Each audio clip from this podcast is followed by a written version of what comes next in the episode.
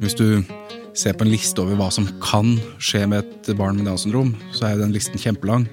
De samme tingene kan jo skje med alle barn. Mm. Så man får en sånn følelse at alt dette kommer til å skje med mitt barn. Velkommen til Snakk om Downs, podkasten hvor aktuelle gjester deler sine erfaringer og refleksjoner om livet med Downs syndrom. Podkasten lages av Downs syndrom Norge, og mitt navn er Eivind Eidslott. Jeg har sjøl ei datter med et ekstra kromosom. Hun heter Marikken og ble født i 2004. I denne miniserien på flere episoder så skal jeg møte foreldre til barn og unge med Downs syndrom, samt fagpersoner som jobber med Downs, for å snakke om nyfødtfasen og de første åra. Vi håper at disse samtalene vil være til stor hjelp for både foreldre, familie, venner, pårørende, fagpersoner og andre som er interessert i Downs syndrom. Nå skal vi møte sykepleier og doktorgradsstipendiat Elias Lundereng. Sønnen hans, to år gamle Anton, har Downs syndrom.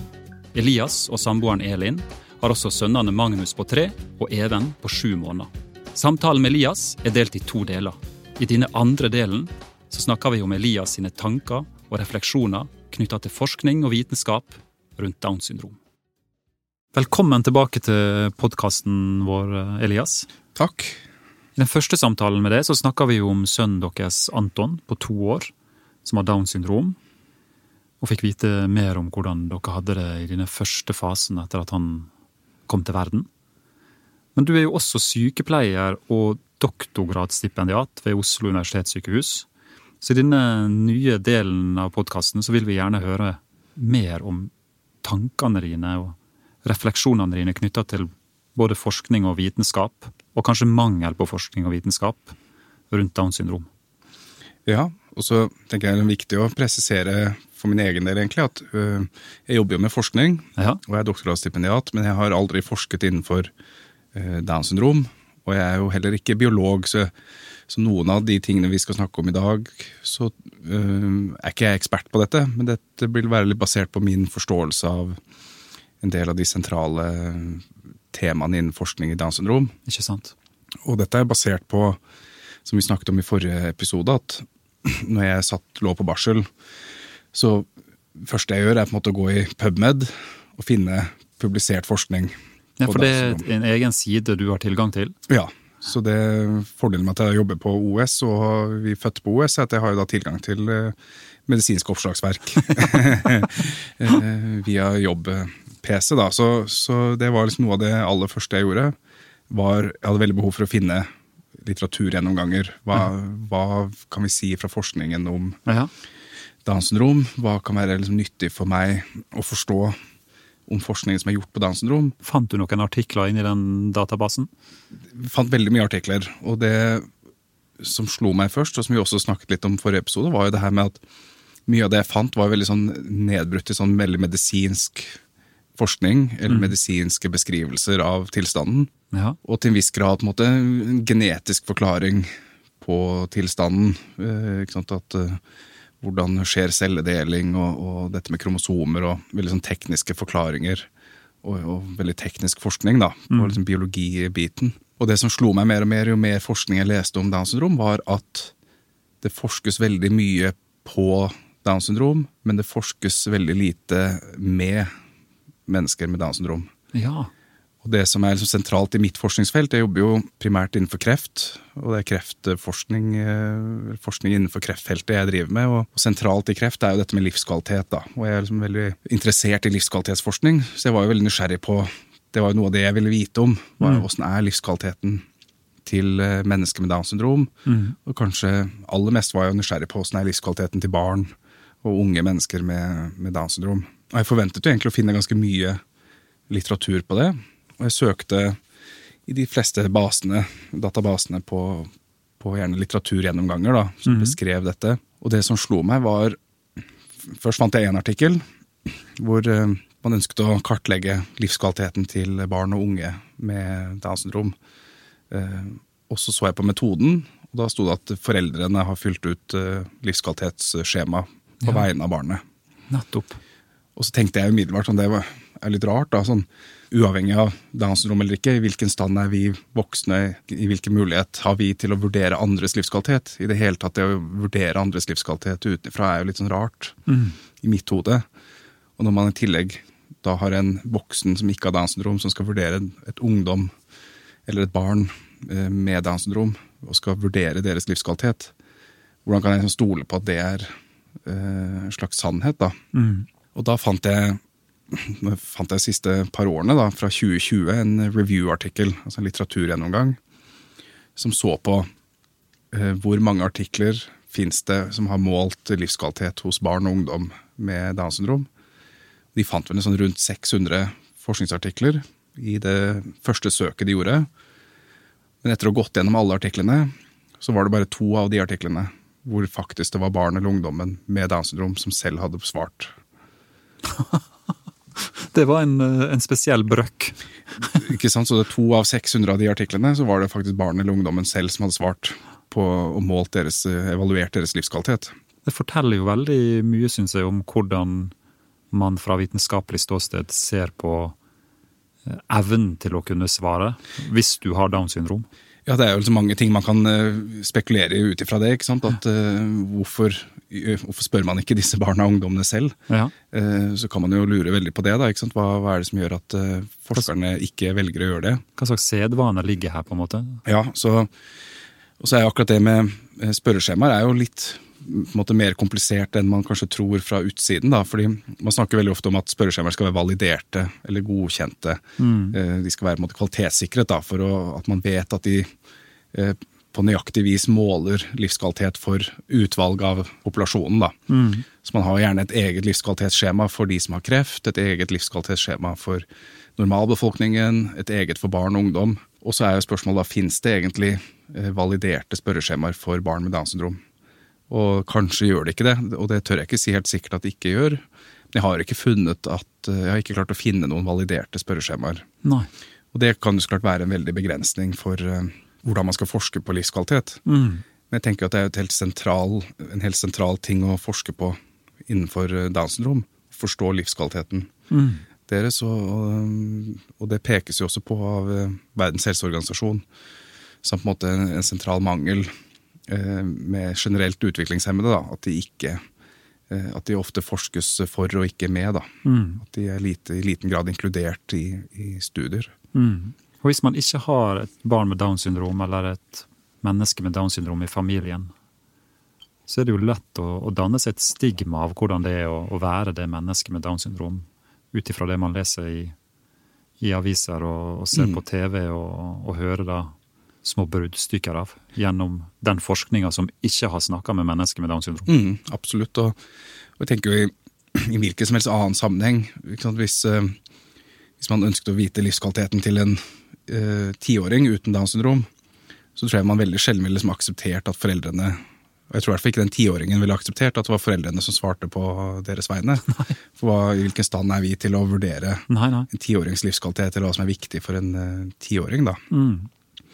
Så, så det er jo helt klart uh, utfordring i å tolke resultater fra livskvalitetsforskningen som jeg har funnet, Mm.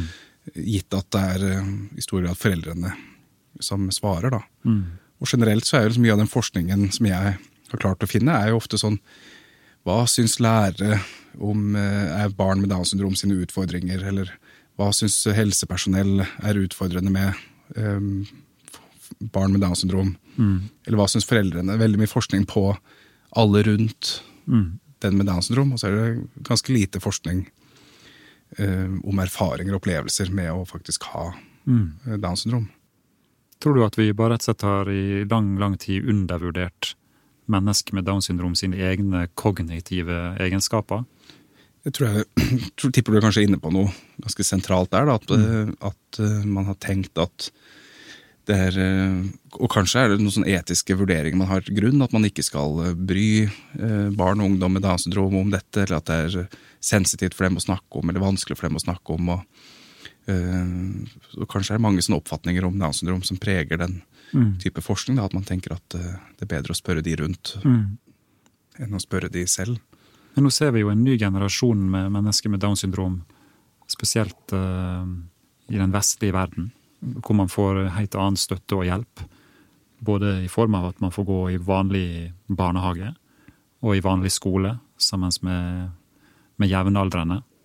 Og, og lære seg gjerne også både Eh, det å, å skrive og, og regne og, og, lese og snakke på en helt annen måte enn man kanskje fikk tidligere.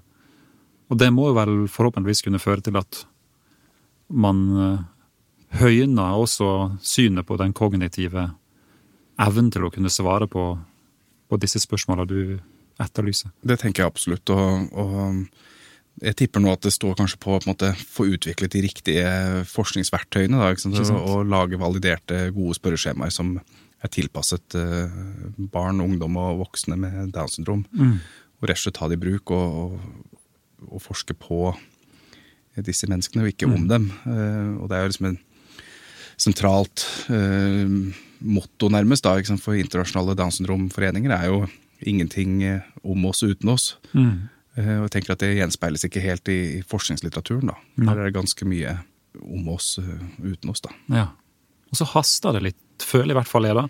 Fordi forskning og utvikling og teknologi har jo gått så raskt uh, unna de siste åra, slik at nå, nå, kan jo man i mye større grad og på et tidligere stadium også finne ut at du bærer på et foster med Downs syndrom. Og vi ser at eh, det fødes færre barn med Downs syndrom i mange land. Og det er jo basert blant annet på tidligere eller dagens kunnskap om syndromet, og, og livs, eller det vi antar er livskvaliteten til både det mennesket som har syndromet, og familien rundt.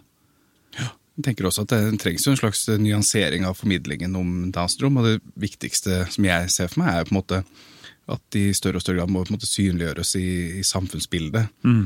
Um, og, og, man ser jo en liksom viss trend til det. at de, Nå har det jo vært mennesker med Downs syndrom har vært med i sentrale TV-serier og i filmer. og Vi må jo på en måte se mer av det, at de, mm. de er representert uh, i, i, det mediebildet. Ikke sant? Og ikke som at de er der fordi de har Downs syndrom, men fordi de er mennesker med Downs syndrom som er der. Mm.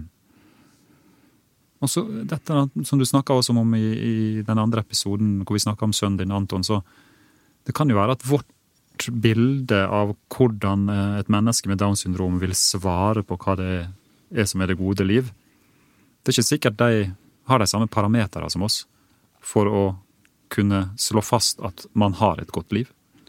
Jeg tipper jo det, ikke sant, at uh, en voksen person uten Downs syndrom tror jeg mange liksom tillegger dette med ambisjoner og karriere og litt sånne ting som vi også snakket om sist, da, det er som veldig betydningsfullt for livskvalitet. Mm. Men det blant annet den ene artikkelen som jeg refererte tidligere, da, som den som hadde fant to av 600 eh, eh, forskningsartikler hvor eh, faktisk barn og ungdom ble spurt selv. Ja. De fant vel at det som betyr mest, er på en måte sterke sosiale familierelasjoner eh, og uavhengighet fra andre.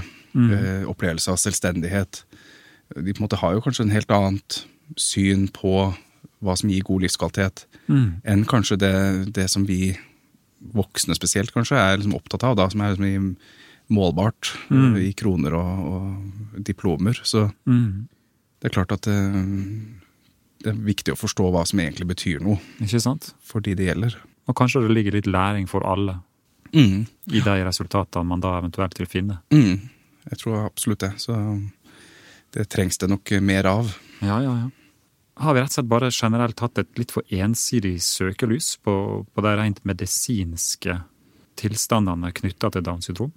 Ja, kanskje. Og så vil jeg jo si sant, Nå snakket vi om livskvalitetsforskning. Det er jo på en måte et, et forskningsfelt. Og så ser jeg at det forskes mye på dette med, med gode liksom, modeller for læring i skolen. Ja. Som er veldig spennende, og spesielt dette med bruk av teknologi i skolen for å styrke læring.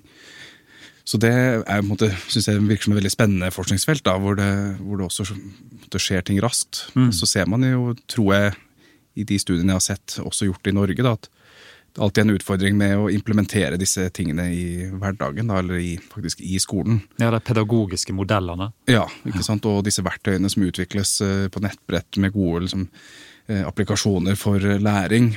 Eh, man utvikler det og forsker på det, og så når forskningen er over, så forsvinner det. Ja. Så at man på en måte mangler gode liksom, implementeringsstrategier eh, for å få, faktisk få implementert ting man ser virker. Da. Mm. Eh, og det gjelder jo ikke bare Downs syndrome-forskning, det ser vi jo i helseforskning òg. Mm. Eh, også med utvikling av eh, helseteknologi. At eh, det forskes mye på helseteknologi, men eh, det fortsatt er store barrierer for å implementere det. Mm. Selv det man gjennom forskning ser at virker. da. Mm. Jeg vet ikke om det var svar på spørsmålet. Jo, det var et godt svar, det. Hva tror du kan være grunnen da til at um, f.eks. legestanden er så ensidig opptatt av den medisinske forskninga og problemperspektivet Mm. på Downs syndrom? Jeg har ikke noe sånn umiddelbart sånn godt svar på det, men jeg tror jo det er jo noen sånn fascinerende egenskaper som det overuttrykket av kromosom 21 gir. og det, Sånn som jeg forstår det, og det, igjen så er jeg ikke biolog eh, eller lege, eller noe sånt, da, men sånn som jeg forstår det jeg finner av litteratur, så er det jo mye som fortsatt er lite forstått. Mm. Om hvorfor man f.eks. ser litt tidligere forekomst av demens. En ting som også interesserer meg veldig, som jobber innenfor kreftfeltet, er jo dette med kreft og, og Downs syndrom. Og det som vi fant ut når vi lå på barsel og googlet, så kommer det veldig tydelig frem at forekomsten for eh, barneleukemier hos barn med Downs syndrom er eller forskjellige tall som det opereres med, da, med sånn 20-30 ganger høyere Forekomst. ja, eh, hos barn med Downs syndrom enn de uten. Og det, De fleste assosierer på en måte kreft med død og, og lidelse og veldig vanskelige ting. da. Og så skal ikke jeg liksom bagatellisere kreft, på ingen måte, men det som ikke kommer så godt frem, er jo på en måte at prognosen er jo fortsatt veldig god hos barn med Downs syndrom. Mm. Eh, og, og det som er interessant, sånn som jeg forstår biologien, er jo at man ser jo Man skiller jo kreft i to typer. Man har liksom blodkreft, sånn grovt inndelt. Så har man blodkreft, og så har man det man kaller sånn solide svulster. Som er gjerne sånn lungekreft, tykktarmkreft, eh, brystkreft. Som er mer svulstkuler. Mm. Eh, Det kaller vi solide svulster. Og så har du blodkreft, da, som er mer sånn som utgår fra, fra blodceller. Og det man ser, er at hvis man tar alle kreftformer eh, og ser på forekomsten da, så er forekomsten av kreft helt lik hos de med Downs syndrom som de uten. Ja. Men det man ser, er at de får litt, de har litt større forekomst av disse barnekreftformene, blodkreftformene. Men som av en eller annen grunn så har det mindre forekomst av måte, det i gåseøyne vanlig kreft. da, Mm. Disse solide svulstene. Så totalt sett så er jo kreftrisikoen eh, ganske lik. Og jeg tror det fortsatt er på en måte et interessant forskningsfelt da, å forstå hvorfor er det sånn. Mm. Eh, Og man har en del teorier tror jeg, om hvorfor de får mindre kreft senere i livet eh, enn normalbefolkningen. Det er liksom ganske komplisert eh, biologi, men, men det går litt på at det er noe med det overtrykket av kromosom 21 som rett og slett hemmer kreftvekst Mm. av disse solide svulstene. Det er jo veldig interessant, og på ingen måte det som kommer fram når man gjør sine første søk på Google, eller hvis du sitter på et rom med en lege etter å ha fått et barn med Downs syndrom og blir fortalt hva som nå venter det. Da er det jo alltid, når jeg har snakka med andre foreldre også, eh, historier om at legestanden gjerne da heller framhever problemer Mm. og den økte statistiske muligheten for at du skal få den eller den tilleggsdiagnosen. Mm. Og det er jo med på å prege oss alle, på en måte, at det er den første Det er det første informasjonsparadigmet du får, da. Mm. Jeg er helt enig. og det, det var ingen som liksom fortalte oss den biten. da, At liksom den eh, totale kreftforekomsten er helt lik som i normalbefolkningen, men det er en slags skjevfordeling fra, fra de barnekreftformene til de voksenkreftformene. Så det er en annen kreftbiologi eh, hos mennesker med Downs syndrom enn de uten. Men det, den nyanseringen kom aldri frem i den informasjonen vi fikk. Det var jo bare snakk om at eh, risikoen for leukemi eller blodkreft var betydelig forhøyet hos mm. barn med Downs syndrom. Og så er det jo viktig å det er alltid liksom, I formidling av forskning òg, så liksom 20 ganger høyere risiko høres jo på en måte ganske forferdelig ut. da. Ja, det høres enormt ut. Ja, ikke sant? Så må man alltid ta høyde for Man må jo se hva er risikoen i utgangspunktet. For liksom 20 ganger eh, av 10% det er liksom ganske mye, men 20% av 0,01 er kanskje ikke så mye. ikke sant? Og, og, og, faktisk, og det formidles aldri, det tallet. Hva er egentlig risikoen i utgangspunktet? Nei. Det var en eh, mor jeg snakka med som mente at det var veldig rart at vi som får barn med Downs syndrom, skal få den der talen om hva som er økt risiko for tilleggsdiagnose Mm. og utfordringer i livet. Mens hvis eh, man får et barn uten syndrom, så får man ingen tale om hva som kan komme av tilleggsdiagnose eller seinere utfordringer i livet. Det er jo et godt poeng, ikke sant. Fordi hvorfor er det så viktig for helsepersonell å informere om disse tingene i den nyfødtfasen? Og hvorfor gjør man ikke det med andre barn? Hvorfor sier man ikke at ditt barn er født øh, nevrotypisk, men har da en 0,1% sjanse for å utvikle leukemi, har en 2% sjanse for å utvikle demens senere i livet? Man, man, opererer, man gjør jo ikke det. Man Nei, sier jo ikke om ingen- risikoen for alle sykdommer hos nyfødte barn. Og ingen ville jo verken likt det, eller tålt det, eller akseptert det. Nei, men så liksom, det- det er liksom det som fremheves veldig med, med Downs syndrom, er liksom risikoene for sykdommer. Eh, Det er liksom det som kommuniseres først, da. Det er derfor jeg tenker at øh, Og det med all respekt for legestanden, for jeg er veldig glad i alle leger. Men det er av og til jeg har tenkt at det er ikke sikkert det er legen som er best kvalifisert til å på et veldig tidlig stadium komme inn og fortelle om en, en mulig tenkt framtid for en familie som nettopp har fått et barn med Downs syndrom. Fordi det er så mange andre aspekter ved livet enn akkurat den statistikken som går på medisinske tilleggsproblemer, som burde være en del av informasjonsflyten der i starten. Ja, Og så er det noe med ikke sant, hva skal jeg gjøre med den informasjonen? Eh, For den er jo bare ment nesten for å skremme, føler jeg av og til. Ja, for det er jo sånn De har jo nok et Og det kan jeg kjenne igjen som kliniker, at man har en slags sånn Man føler at man har en eh, forpliktelse til å informere om alle bivirkninger eller, eller risikoer for ting. Mm. Eh, men stort sett i annen klinisk praksis så er vi opptatt av å liksom si noe om hvordan skal du forholde deg til den risikoen. Ja. Hva skal du gjøre med den? Ja. F.eks. med kreftbehandling så er det en risiko for at immunforsvaret ditt blir veldig nedsatt, og det er en risiko for at du får alvorlige infeksjoner eh, som følge av det. Og Derfor må du måle temperaturen din eh, og gjøre sånn og sånn, og ringe dit og dit hvis temperaturen din overstiger en sånn grense. Mm. Men med den informasjonen man får om Downs syndrom, så er det bare en sånn Risikoen er eh, forhøyet for at de får eh, kreft. Så vel hjem. Ja, velg, vel hjem etterpå. Ta med deg den uh, Ja. veldig krevende informasjonen her, Mm. og prosesser den uh, hjemme i rekkehuset ditt. Mm. Lykke til med det. Ja, ikke sant? Og, så, og vi som da, både jeg og min samboer som begge er kreftsykepleiere, blir sånn Skal vi observere noe? Hva skal, hva, skal vi liksom gjøre med den informasjonen? Ja. Hvordan kan jeg bruke den til noe konstruktivt annet enn å skape uro? Ikke sant? Eh, og det, det går litt på å liksom, eh, prøve å formidle forskningen på en sånn nyansert måte, og på en måte som eh, man kan på en måte bruke til noe Mm. eh, fornuftig, da. Og, og ta forholdsregler. Og det er jeg veldig positiv til. At man kan bruke forskning til å, å være obs på ting.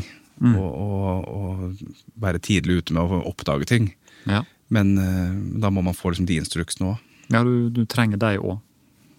Tror du at uh, vi noensinne vil komme dit da, at, at vi på landets fødeavdelinger vil kunne snakke mer om mulighetene knytta til Downs syndrom, framfor alle begrensningene? Jeg tror du var liksom godt inne på at kanskje veien dit ikke er via leger, og kanskje heller ikke via sykepleiere. Kanskje trenger man på en måte en annen type funksjon i sykehus for å ha den type samtalen. Eh, om det skal være et annet type helsepersonell, eller helsepersonell trent spesifikt i dette, eller om det skal være en likeperson Ja. som er i samme situasjon. Og så er det alltid, alltid liksom avveininger, da. Ikke sant? En, eh, å finne en likeperson. Man skal jo heller ikke finne noen som liksom skjønnmaler det for mye heller. Man skal jo på en måte ha en slags objektivitet eh, i det. Uh, men at det, at det krever på en måte en, eh, en helhetlig tilnærming, og, og tverrfaglig også. Eh, at man trenger ikke bare, eller Det holder ikke med bare den medisinske tilnærmingen. Man trenger på en måte eh, hele, Man må se hele bildet, da. Eh, og det er nok ikke én profesjon som kan Nei. løse det hele, da. Men eh, det er jo mange av oss som etterlyser både kanskje eh, mer tilstedeværelse fra vernepleier, sosionom, psykolog. Og, og som du peker på, en, en likeperson som kanskje har gått eh, den samme stien før det, Mm. en liten stund.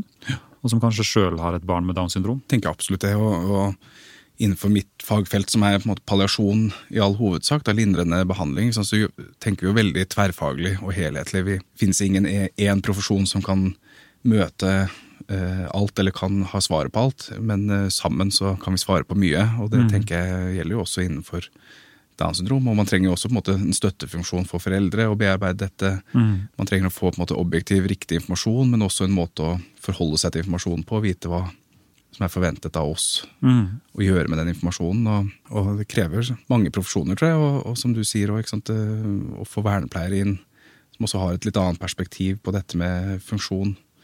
eh, Og har mer erfaring også med, med Mm. funksjonsnedsettelser. Mm. Og så tror jeg det krever et økt oppmerksomhet i generelt sykepleierutdanningen, men kanskje aller mest eh, i jordmorutdanningen. da. Ja. Eh, enda større fokus på, på hvordan man skal måtte, forholde seg til, til Downs syndrom og, og det informasjonsbehovet som Mm. foreldre har. da. Mm.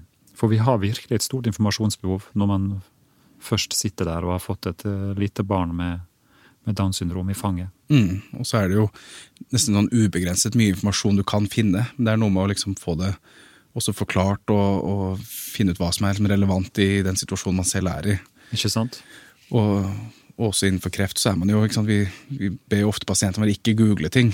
ikke sant, fordi hva, finner du på Google? Du finner jo unyansert informasjon. Mm. Informasjon som gjelder på en måte en, gjerne en hel populasjon, øh, og hvor det er eh, store nyanser. Er det litt det rådet du ville gitt hvis du nå skulle snakka med en eh, nybakt Down-familie?